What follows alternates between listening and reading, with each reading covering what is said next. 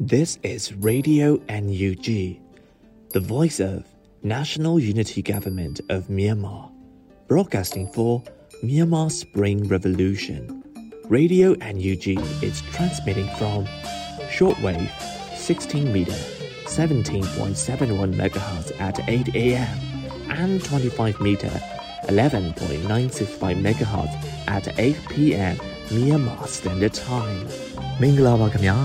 အမျိုးသားညီညွတ်ရေးအစိုးရရဲ့အတန်လွင့်ဌာန Radio NUG ကို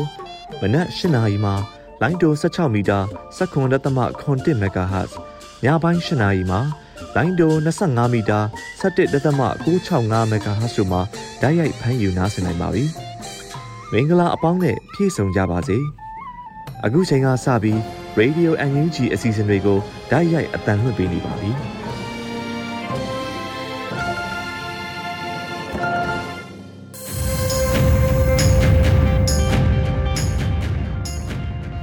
မြန်မာနိုင်ငံသူနိုင်ငံသားအပေါင်းတဘာဝပင်စစ်အာဏာရှင်ဘေးတို့ကနေကင်းဝေးပြီးကိုစိတ်နှပါကျမ်းမာလုံခြုံကြပါစေလို့ရေဒီယိုအန်ယူဂျီအဖွဲ့သားများကဆုတောင်းမေတ္တာပို့သလာရပါတယ်ရှင်။အခုချိန်မှစပြီးကာကွယ်ဝိညာဉ်ဌာနမှထုတ်ဝေသောစစ်ရေးတရေအကျဉ်းချုပ်ကိုတင်ဆက်ပေးသွားမှာဖြစ်ပါတယ်ရှင်။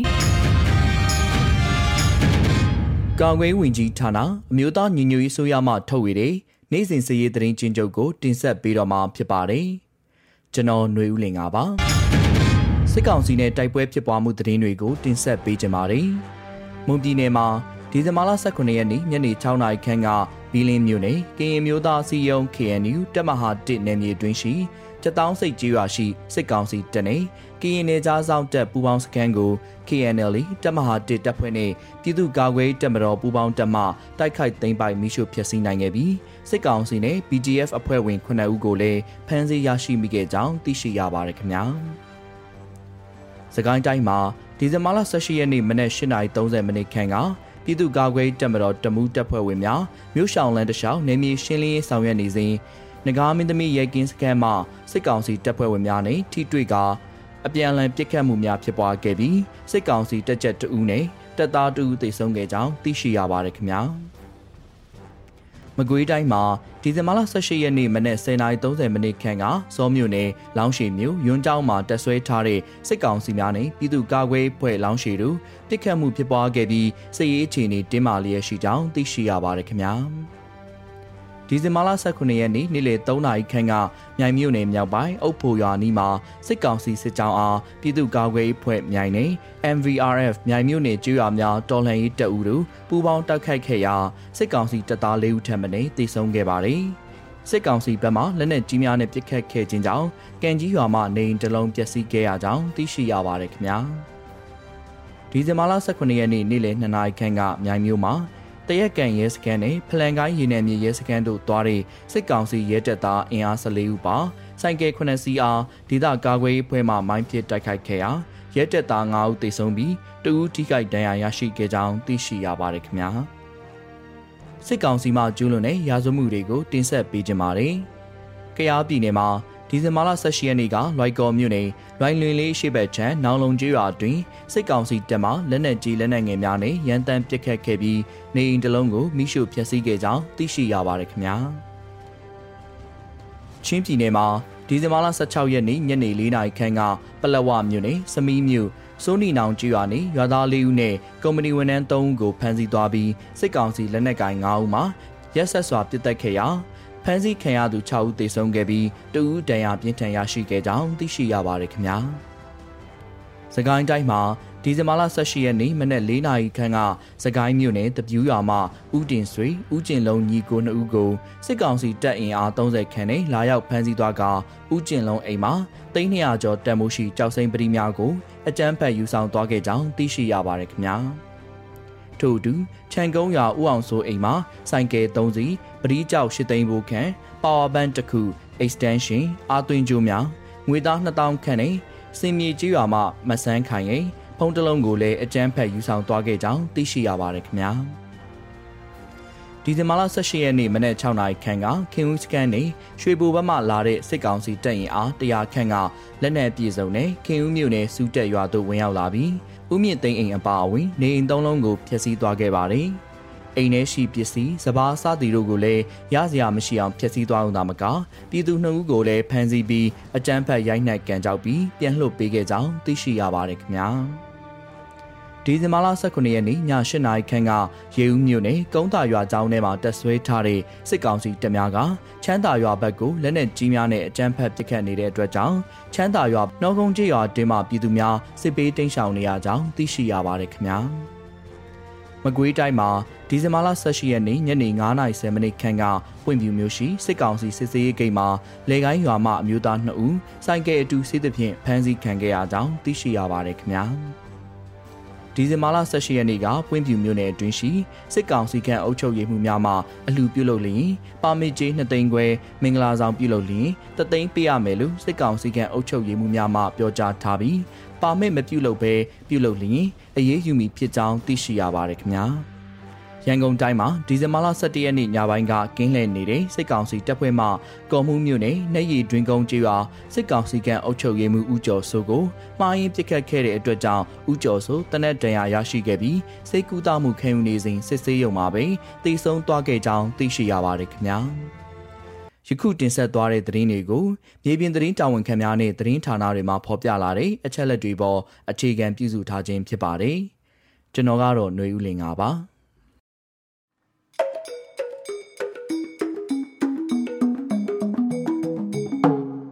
ရေဒီယို NUG မှာဆက်လက်အသံလွှင့်နေပါတယ်။အခုဆက်လက်ပြီးပြည်တွင်းသတင်းများကိုຫນွေဦးမောင်မှတင်ဆက်ပေးမှာဖြစ်ပါရရှင်။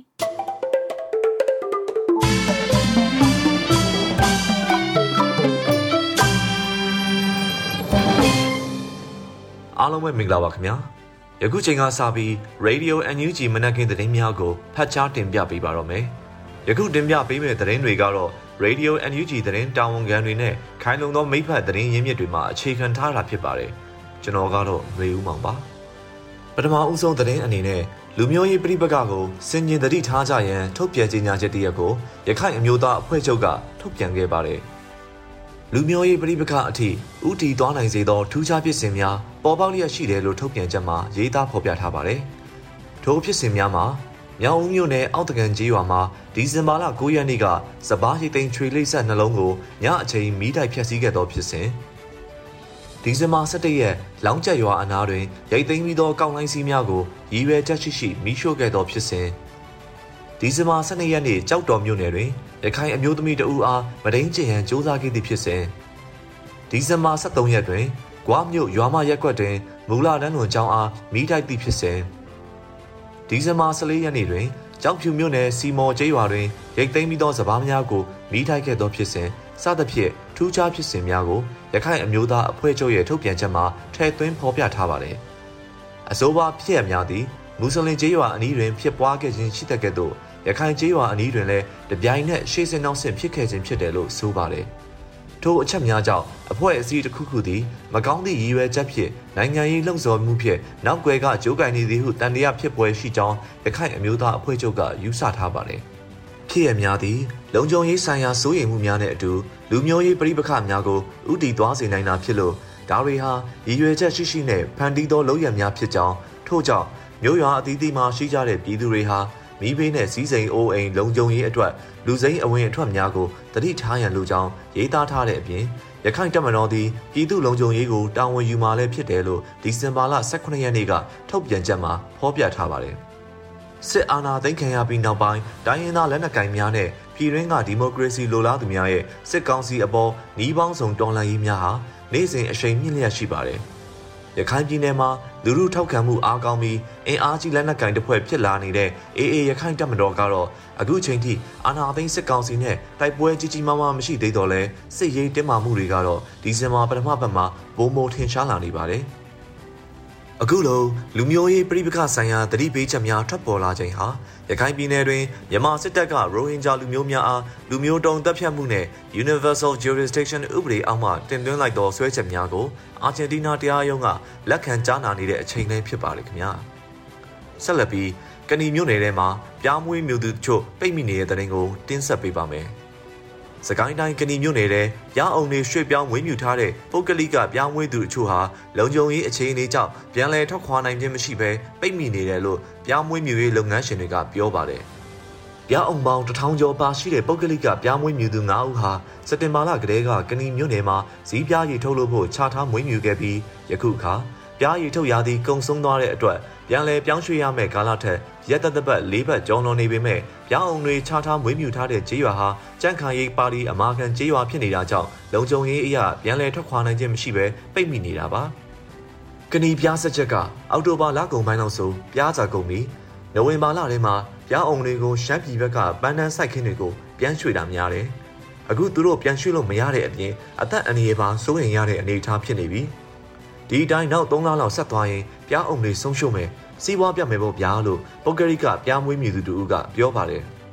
ပိတ်မိနေတဲ့ပြားမွေးမြူသူ9ဦးနဲ့အတူပြားစခန်းလောက်သားစုစုပေါင်း90ကျော်လဲပါဝင်လာကြောင်းစားဝတ်နေရေးအခက်အခဲကြုံတွေ့နေရတဲ့အတွက်အမြန်ဆုံးပြန်လည်ရွှေ့ပြောင်းလုပ်နေတယ်လို့ပိတ်မိနေသူလုပ်ငန်းရှင်တူကဆိုပါတယ်ကျွန်တော်တို့ကနှစ်တိုင်းဒီဒေသကိုလာချနေကြပါအခုကြမှာကျွန်တော်တို့ချထားတဲ့ရွာကကြက်ဖို့အမာကန်ရွာဖြစ်နေလို့ကျွန်တော်တို့ကပါအခြားရွာတွေကမယုံကြတော့ဘူး ကျွန်တော်တို့ဘာဆက်လုပ်ရမလဲမသိတော့ဘူးဆိုပြီးအစိုးရလုပ်ငန်းရှင်ကဆက်ပြောပါတယ်။ကဏီမျိုးနယ်မှာရှိတဲ့ပြောင်းစချက်ကိုမြန်မာတနိုင်ငံလုံးကယာနဲ့ချီတဲ့ပြောင်းမွေးမြူသူတွေဟာပေါင်းတောင်းနဲ့ချီတဲ့ပြောင်းအောင်တွေကိုနှစ်ဆင်ရွှေ့ပြောင်းမွေးမြူလေးရှိပြီးလက်ရှိအချိန်မှာပိတ်မိနေတဲ့လုပ်ငန်းရှင်အချို့ကလွဲပြီးအားလုံးဒီပါပြန်လဲရွှေ့ပြောင်းသွားပြီလို့လည်းသိရပါတယ်ခင်ဗျာ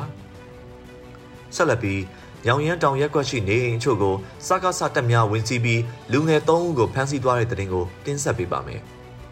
ဒီဇင်ဘာ18ရက်မနက်ကတဝယ်မြို့ညောင်ရဲတောင်ရက်ကွက်မြောင်အင်းကန်လန်းရှိနေအိမ်အချို့ကိုစစ်ကောင်စီတပ်ကဝင်ရောက်စီးနင်းခဲ့ပြီးလူငယ်၃ဦးကိုဖမ်းဆီးသွားကြောင်းဒေသခံတွေရဲ့ပြောပြချက်အရသိရပါတယ်။ဒီဇင်ဘာ18ရက်နေ့မနက်အစောပိုင်း12နာရီခွဲခန့်တကောင်ရန်အချိန်ကညောင်ရမ်းတောင်ရက်ကွက်နေကိုဝနကျော်ဆိုသူနဲ့အတူတငယ်ချင်း2ဦးစုစုပေါင်း3ဦးကိုစစ်ကောင်စီတပ်ကဖမ်းဆီးသွားခြင်းဖြစ်ကြောင်းရက်ကွက်နေထိုင်သူတို့ကပြောပါတယ်။လမ်းကြားထဲဝင်လာတာကဗီဂိုကားနှစ်စီး အင်အားအပြည့်ပါတယ်။ဖန်ခံရသူတွေကအိမ်မောကြနေကြတာသူတို့ကအိမ်နီးနားချင်းတွေပဲအခုတလောလူငယ်ဆိုတာနဲ့သူတို့ကအကုန်လိုက်ဖမ်းနေတာပဲလူငယ်တွေလည်းမနေရဲကြတော့ကို့အိမ်မှာကိုနေနေရတာတော့မလုံခြုံတော့ဘူးညတိုင်းလိုလာဖမ်းနေတာ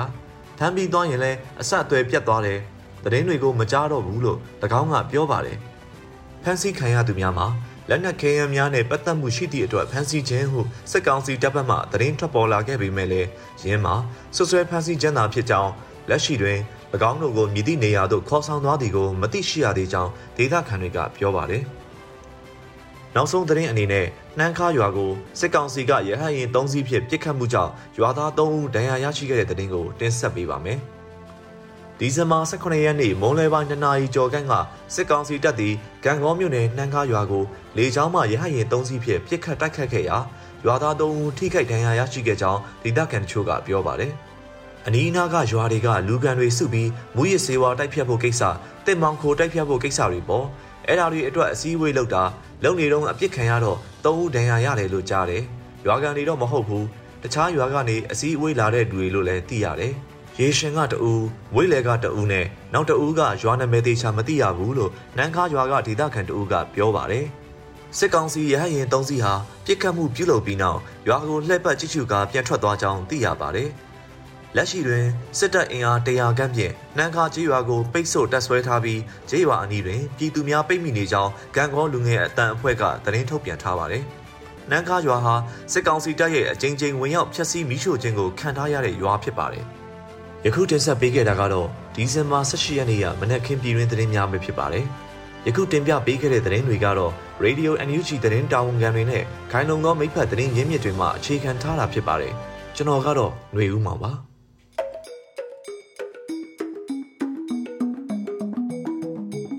မင်္ဂလာပါခင်ဗျာ။ကြပြဆရာຫນွေဦးရေးဆက်တည်ကုန်းထားတဲ့ဒိန်တလိန်နန်းဆိုတဲ့ကြပြကိုရုပ်ဖတ်သွားမှာဖြစ်ပါတယ်။ဒိန်တလိန်နန်းဒီမဲကိုတောင်းဖေရှင့်ရဲ့ရွှေပြည်အေးတရား ကျမမနာကြခြင်းဆဲဆိုတာအသက်ချင်းချီတက်ရတဲ့ပွဲအသက်အိုးစားကွဲရင်စက်မရဘူးဆိုတာကျမတို့စကိုင်းသူတွေသိပါတယ်ဟိုးတုန်းကလာတာညတွေဆိုရင် ကျမတို့ရွာလေလမ်းလေးမှာကျမသားကံကောင်းတဲ့သူချစ်တဲ့နှင်းများတို့တတိုက်ဖန်ခုံကြဒုတ်ထိုးကြညဟာလှလို့ အမှုပညာကိုချစ်တဲ့ကျမတာကန်ကောင်းရွာပုံကထိန်ဆိုရင်မင်းသားဖြစ်လိုက်ဥရွှေရိုးဖြစ်လိုက်အိုးစီဒိုးပတ်တန်ကြားကျမသားရဲ့ကကျူးမြူးကြွလှပလို့ပေါ့အဲ့ဒီလိုချစ်စရာကောင်းတဲ့ကျမတို့ရွာစစ်မီးသိမ့်ငယ်ပြီးကိုတောင်းဖေးရေရှင့်အိမ်ရှိစစ်မီးမခသေးတော့စစ်ရဲ့ခါးသိမှုကို ရှင်ပဲသိပါမလဲကိုတောင်းဖေးရေမလေးရှားပစိုးနဲ့ စိန်တန့်ကိုစုစည်းတစည်းမကခေါင်းရင်ခန်းထားအိတ်နိုင်ကြတဲ့စစ်ဗိုလ်ချုပ်တွေရဲ့အာနာမက်လို့ဖြစ်လာရတဲ့စစ်ပွဲရှင်ရွေးကောက်ပွဲမဲလိန်လို့အာနာထိန်ရတာတဲ့ထွေးကျမဖြစ်ယုံချက်ကနာတယ်တော့ဒင်းတို့တတိုက်ချီစာပြောရင်တော့ချီကြိုက်လို့မှတ်မှာဒါလူလေးဖိုးကန်ကောင်းမင်းဟာငယ်သေးတယ်ကွ ထနှောင်းပင်အောက်ရွာထိတ်ကကိုတာလကြံရီဆိုင်ကနွားခလောက်တန်လေးစီးချက်ညီညီကနေတဲ့နေ့ຫນွေလေယူရဲ့အောက်မှာကြောက်စင်းရောင်ဘီးလက်ရည်ပလင်းကြားကနှင်းမြရဲ့အကြည့်ကတားရင်တွေအရန်ခုန်တာပဲအမေလို့ပြောတော့အမေဖြစ်ရည်လိုက်ရတာငါသားလေးလူပြိုဖြစ်ပြီဒိန်တလိမ့်နဲ့ပူးပြီလို့ကျမသားကောင်းကိုဖွားဖွားလေးပုတ်ပြီးစနောက်တော့ သူမျက်ဝန်းလေးလင်းလက်ရှက်နေပုံများကျမအတွက်တော့နှစ်သားလေးတစ်ပါးပဲကိုတောင်းဖေရေစစ်ကိုကျမတို့ဖိတ်ခေါ်ခဲ့တာမဟုတ်ဘူးတော့ရွာကိုမီးသင့်ငယ်ရွယ်သူတွေအသက်ခံရတော့နှင်းများတို့အမေနဲ့မိမသားတွေကိုကာကွယ်ရမယ်ရွာကိုကာကွယ်ရမယ်ဓမ္မဘက်ကရက်ရမယ်အမေတော်မီကိုတော်မီနဲ့တတ်မှဖြစ်မယ်အမေ တူမီကိုဆွဲကင်ထွက်ခဲ့တဲ့ကျမသားသူရဲကောင်းပီတစွာကြဆုံးခဲ့ပေါ်ကိုတောင်းဖေရေကျမလီကမြမငိုဘူးဘဲအမေကမငိုပဲရှိစကျမရင်ထဲမိုးပြိုနေတယ်ကျမနှက်ခမ်းတွေဗျံကနေပေါက်ထွက်မတက်အန်ကိုတင်းတင်းကြိတ်ထားတယ်သားရေလူလေးဖိုးကန်ကောင်းကြီးမင်းအမေနက်နက်တိုင်းရွတ်နေတဲ့မြစ်တာတုတ်နယံကြားထိုးပြီး တူမီကန်ပြီးထွက်ခဲ့ပါမယ်ဟုတ်ကဲ့ပါအခုရွတ်ဖတ်ခဲ့တာကတော့ကြပြဆရာຫນွေဦးရဲ့ဒိန်တလိန်နန်းဆိုတဲ့ကြပြကိုရွတ်ဖတ်ခဲ့တာဖြစ်ပါတယ်ဒီကြပြလေးကိုကြပြဆရာຫນွေဦးကမြန်မာပြည်တနန်တလျားကဖိုးကန်ကောင်းနဲ့အမေများကိုဂုံပြုတဲ့အနေနဲ့ရေးဆက်တည်ကုံထားတာဖြစ်ပါတယ်ခင်ဗျာဟုတ်ကဲ့ကျွန်တော်ຫນွေဦးမိုးပါ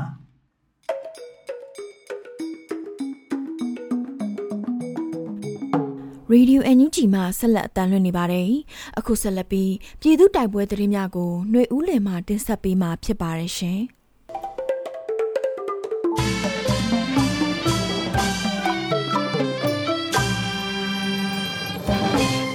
ကရင်ပြည်နယ်မှာဒီဇင်ဘာလ15ရက်နေ့မှစတင်ပြီးလေးကိတ်ကော်မြို့သစ်ကိုစစ်တပ်ကဝင်ရောက်စီးနင်းမှုကြောင့်တိုက်ပွဲများဖြစ်ပွားလျက်ရှိပြီးစစ်တပ်ကထပ်မံအင်အားဖြည့်ကထိုးစစ်ဆင်လာကြောင်း လေးကိတ်ကော်ပါဝင်မြောက်ရီမြို့နယ်တချို့နေရာများမှာယနေ့တိုက်ပွဲများပြန်လည်ဖြစ်ပွားနေကြောင်းစစ်ရေးသတင်းရက်ကွက်များထံမှသိရှိရပါတယ်။ဒီနေ့မနက်ပိုင်းဖအံကတန်ကြက်ကာကားနှစ်စီးပါဝင်စစ်တပ်ကား14စီးမြောက်ရီဘက်ကိုဆင်းလာနေကြောင်းတောင်ငူမှာစစ်ရဟတ်ရင်နှစ်စီးလည်းပြန်တန်းသွားပြီးဖအံဘက်ကိုဥတီနေကြောင်းဒေသခံတွေကပြောဆိုကြပါတယ်။လက်ရှိမှာအရှိတောင်တိုင်းစစ်ဌာနချုပ်ကဒုတိယတိုင်းမှုဦးဆောင်တဲ့စစ်ကြောင်းတစ်ခုလည်းကင်းပြည်နယ်ဘက်ကိုထုတ်ခွာလာပြီးကော့ဂရိတ်မှာခိတ္တရောက်ရှိနေကြောင်းကော့ဂရိတ်ဘက်မှာစစ်ရင်အားအများအပြားတိုးချလာကြောင်း ညဝတီဘက်သို့လည်းစစ်ရင်အားများတိုးချဲ့လာနေကြောင်းစစ်ရေးသတင်းရက်ကွက်တွင်မှသိရှိရပါတယ်။ဒီဇင်ဘာလ15ရက်တိုက်ပွဲမှာစစ်တပ်ဘက်ကဗိုလ်ကြီးတဦးပါဝင်အရာရှိ3ယောက်ကြာဆုံးခဲ့ပြီးဒီဇင်ဘာလ16ရက်နေ့အာရှလမ်းမတိုက်ပွဲမှာခမာရ956တရင်မှုနိုင်နိုင်လွင်တရင်မှဒုတရင်မှုတက်ခွဲမှုဒုတက်ခွဲမှုတို့အပါအဝင်10ဦးကျော်သေဆုံးခဲ့ကြောင်းလက်ရှိအချိန်မှာစစ်တပ်ဘက်မှအရာရှိသေဆုံးတဲ့ထိခိုက်ဒဏ်ရာရမှု6ဦးအထိရှိနေပြီး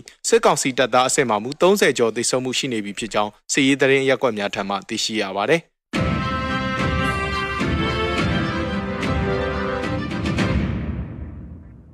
ဆက်လက်ပြီးချောင်းမြို့နယ်အတွင်းစစ်ကောင်စီရင်နှန်းမိုင်းခွဲခံရလို့စစ်သား6ဦးသေဆုံး2ဦးဒဏ်ရာရတဲ့တဲ့ရင်ကိုတင်ဆက်ပေးမှာပါ။စကိုင်းမြို့မှာမုံရွာဘက်ကိုထွက်ခွာလာတဲ့စစ်ကောင်စီရင်နှန်းကိုချောင်းမြို့နယ်ငရှန်ကျေးရွာနဲ့နိုင်ရကန်ကျေးရွာအကြားမှာယမန်နေ့ဒီဇင်ဘာလ18ရက်နေ့မှာဒေသခံပြည်သူ့ကာကွယ်ရေးမဟာမိတ်အဖွဲ့ကမိုင်းဆွဲတိုက်ခိုက်ခဲ့ရာစစ်သား6ဦးသေဆုံးပြီး2ဦးဒဏ်ရာရရှိကြောင်း TGR မြောင်တပ်ဖွဲ့ထံမှသိရှိရပါတယ်။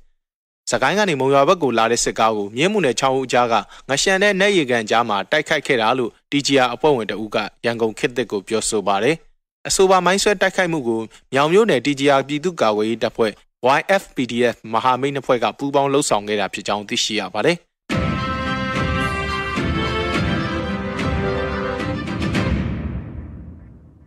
ဆက်ပြီးတင်ဆက်မှာကတော့ ဘီလင်းချက်တောင်းစိတ်ကြီးရွာရှိစစ်ကောင်စီ BGF ပူးပေါင်းစခန်းကို KNL ပူးပေါင်းတပ်ကတိုက်ခိုက်ပြီးမိရှုဖျက်ဆီးကစစ်ကောင်စီတပ်သား9ဦးကိုဖမ်းဆီးရမိတဲ့တဲ့မှာကရင်မျိုးသားစီယုံ KNU တပ်မဟာ1နယ်မြေတွင်ရှိဘီလင်းမြို့နယ်ချက်တောင်းစိတ်ကြီးရွာရှိအကြမ်းဖက်စစ်ကောင်စီတပ်နှင့်ကရင်နယ်ကြားဆောင်တပ်ပူးပေါင်းစခန်းကိုဒီဇင်ဘာ18ရက်နေ့ယမန်နေ့ညပိုင်းမှာ KNL တပ်မဟာ1တပ်ဖွဲ့နဲ့ PDF ပူးပေါင်းတပ်ကတိုက်ခိုက်သိမ်းပိုက်မိရှုဖျက်ဆီးနိုင်ခဲ့ပြီးစစ်ကောင်စီနဲ့ BGF တပ်ဖွဲ့ဝင်9ဦးကိုဖမ်းဆီးရမိခဲ့ကြောင်းသတင်းရရှိပါတယ်။ အဆိုပါစခန်းကို KNL ပူးပေါင်းတပ်ကတိုက်ခိုက်သိမ်းပိုက်ပြီးကရုတ်ချင်းများကိုဝင်ရောက်ရှင်းလင်းစဉ်စစ်ကောင်စီနဲ့ BGF တပ်ဖွဲ့ဝင်9ဦးကလက်နက်ချအဖမ်းခံခဲ့ကြောင်း KNL ပူးပေါင်းတပ်မှတဦးကြဆုံးက၄ဦးဒဏ်ရာရကြောင်းတပ်မဟာ1သတင်းရင်းမြစ်ထံမှသိရှိရပါတယ်။ BGF တပ်ရင်1313နဲ့အချမ်းဘက်စစ်ကောင်စီများတပ်ဆွဲထားတဲ့စစ်တောင်းစိတ်ကျွာရှိစခန်းဟာမွန်ပြည်နယ်နဲ့ကရင်ပြည်နယ်အစပ်မှာရှိပြီး အဆိုပါစခန်းကိုတိုက်ခိုက်စဉ်လက်ပစ်ပုံးများလက်နက်ကြီးများနဲ့ပစ်ခတ်တိုက်ခိုက်ခဲ့ရကြောင်းသိရှိရပါတယ်။စစ်တောင်းစိတ်စခန်းကိုမနေ့အစောပိုင်း9နာရီခန့်မှစတင်ကညနေ6နာရီကျော်အထိ73နာရီခန့်တိုက်ခိုက်ပြီးမှမီးရှို့ဖျက်ဆီးနိုင်ခဲ့ကတိုက်ခိုက်နေစဉ်အတွင်းအကြမ်းဖက်စစ်ကောင်စီကလေရင်တစည်းအနီးဝန်းကျင်မှာဝဲပြန်နေခဲ့တယ်လို့ဒေကေရွာဘက်မှလည်းစစ်ကူများပို့ဆောင်ခဲ့ကြောင်းအဆိုပါစစ်ကူရင်တန်းကိုလည်း KNL ကကြားဖြတ်တိုက်ခိုက်နိုင်ခြင်းကြောင့် 4K ကြေးရွာသို့ပြန်လှည့်သွားကြောင်းလည်းသိရှိရပါတယ်။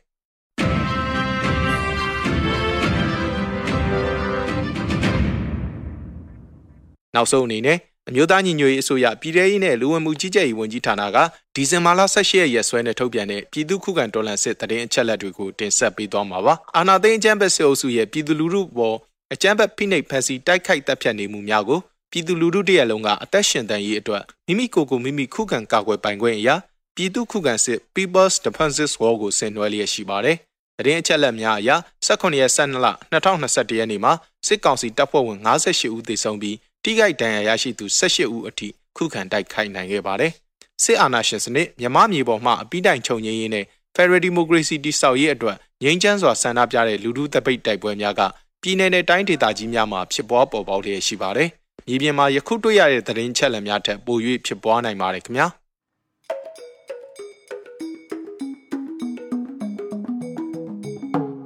ရေဒီယိုအန်ယူဂျီမှာဆက်လက်အတန်းလွှင့်နေပါတယ်။အခုဆက်လက်ပြီးနေ့စဉ်သတင်းများကို ရွှေရည်မှတင်ဆက်ပေးမှာဖြစ်ပါတယ်ရှင်။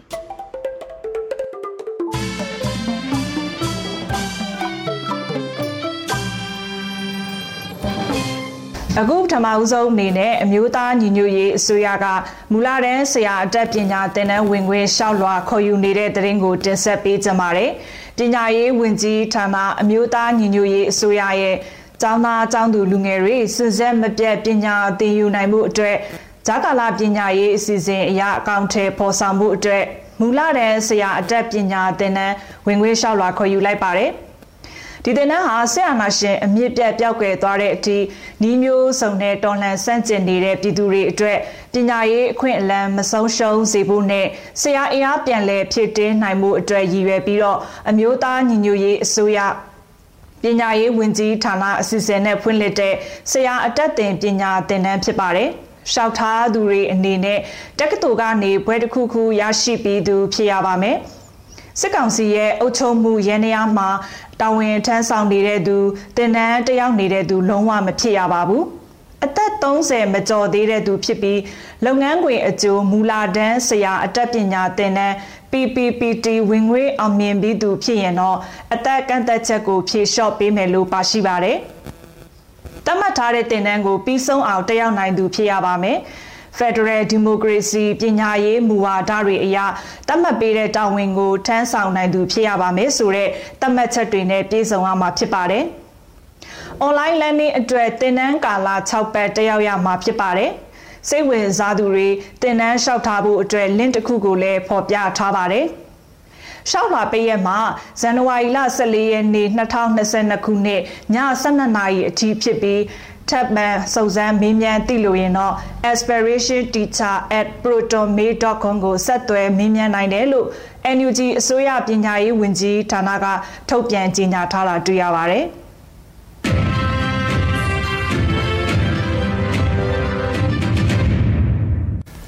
အာအာနာသိန်းစစ်ကောင်စီအကြမ်းဖက်လုပ်ရက်တွေကြောင့်နေရက်စွန့်ခွာထွက်ပြေးတိမ်းရှောင်နေရတဲ့စစ်ပေးရှောင်ပြည်သူတွေကို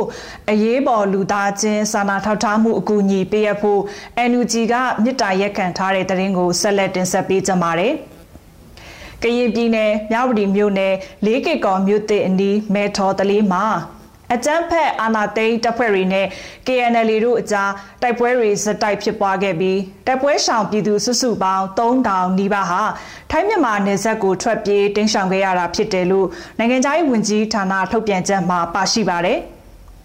ဒီဇင်ဘာလ18ရက်နေ့အထိသတင်းဖော်ပြချက်တွေအရအပြစ်မဲ့ပြည်သူစုစုပေါင်း2000ကျော်လောက်ဟာ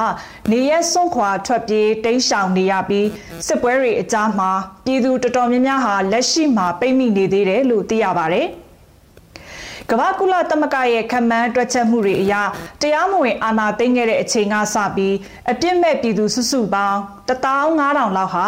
အိန္ဒိယနိုင်ငံနယ်စပ်ကိုထွက်ပြေးတင်းရှောင်ခဲ့ရတာဖြစ်ပါတယ်။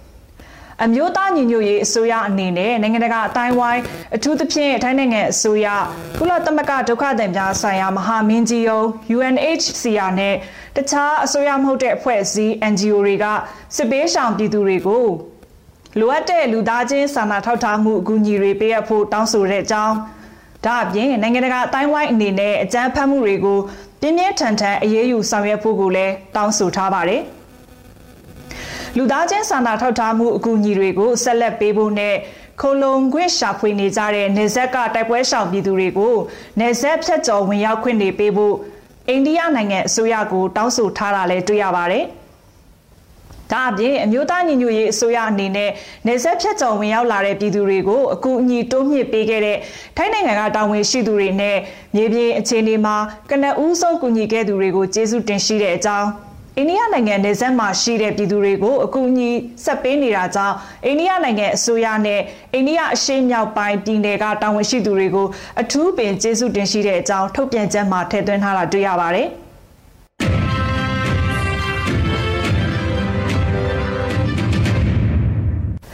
မျိုးရဲရွာတွေအတွင်းလူစိမ်းအဝင်အထွက်တွေကိုတတိထားစောင့်ကြည့်ဖို့ရခိုင်အမျိုးသားအဖွဲ့ချုပ်ကထုတ်ပြန်လိုက်တဲ့သတင်းကိုဆက်လက်တင်ဆက်ပေးကြပါမယ်။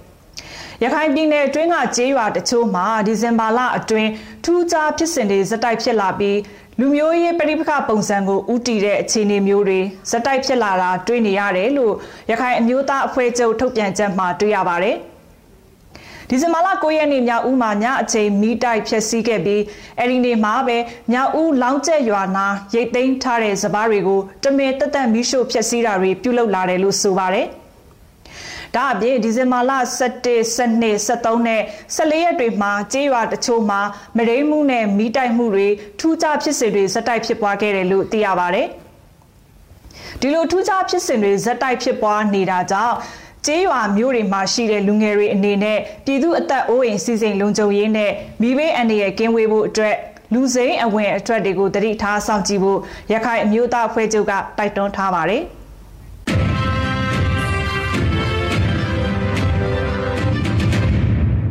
အခုနောက်ဆုံးအနေနဲ့မြန်မာနိုင်ငံတဝန်းကလူမျိုးပေါင်းစုံဘာသာပေါင်းစုံပါဝင်တဲ့ဆရာနာရှင်အမြင့်ပြတ်ချေမုံရီလူလူဆန္ဒပြပွဲတရင်တွေကိုစူးစီးတင်ဆက်ပေးမှာဖြစ်ပါတယ်။ရွှေဘိုမြို့နယ်ကျေးရွာတရွာကနေ့စဉ်မပြတ်ချီတက်နေတဲ့တော်လှန်ပြည်သူတွေဟာ ငါတို့မြို့တော်ဘသူပိုင်တယ်လဲပြည်သူပိုင်တယ်ငါတို့ပိုင်တယ်စိတ်သုံးနေတဲ့လူခွင့်ရေးတော်လှန်ရေးနဲ့တိမ့်ပိုက်ကြဆိုပြီးကြွေးကြော်ချီတက်ဆန္ဒပြခဲ့ကြပါတယ်။စကိုင်းတိုင်းရင်းမာပင်အရှိချမ်းနဲ့စလင်းကြီးမြောက်ချမ်းရွာပေါင်းစုံတပိတ်283ရက်မြောက်နေ့အဖြစ်စစ်ဆောင်ဒုက္ခအဆုံးသတ်ဖို့ PDF နဲ့အတူတော်လှန်စို့ဆိုတဲ့စာတမ်းကိုင်ဆောင်ပြီးချီတက်ဆန္ဒပြခဲ့ကြပါတယ်။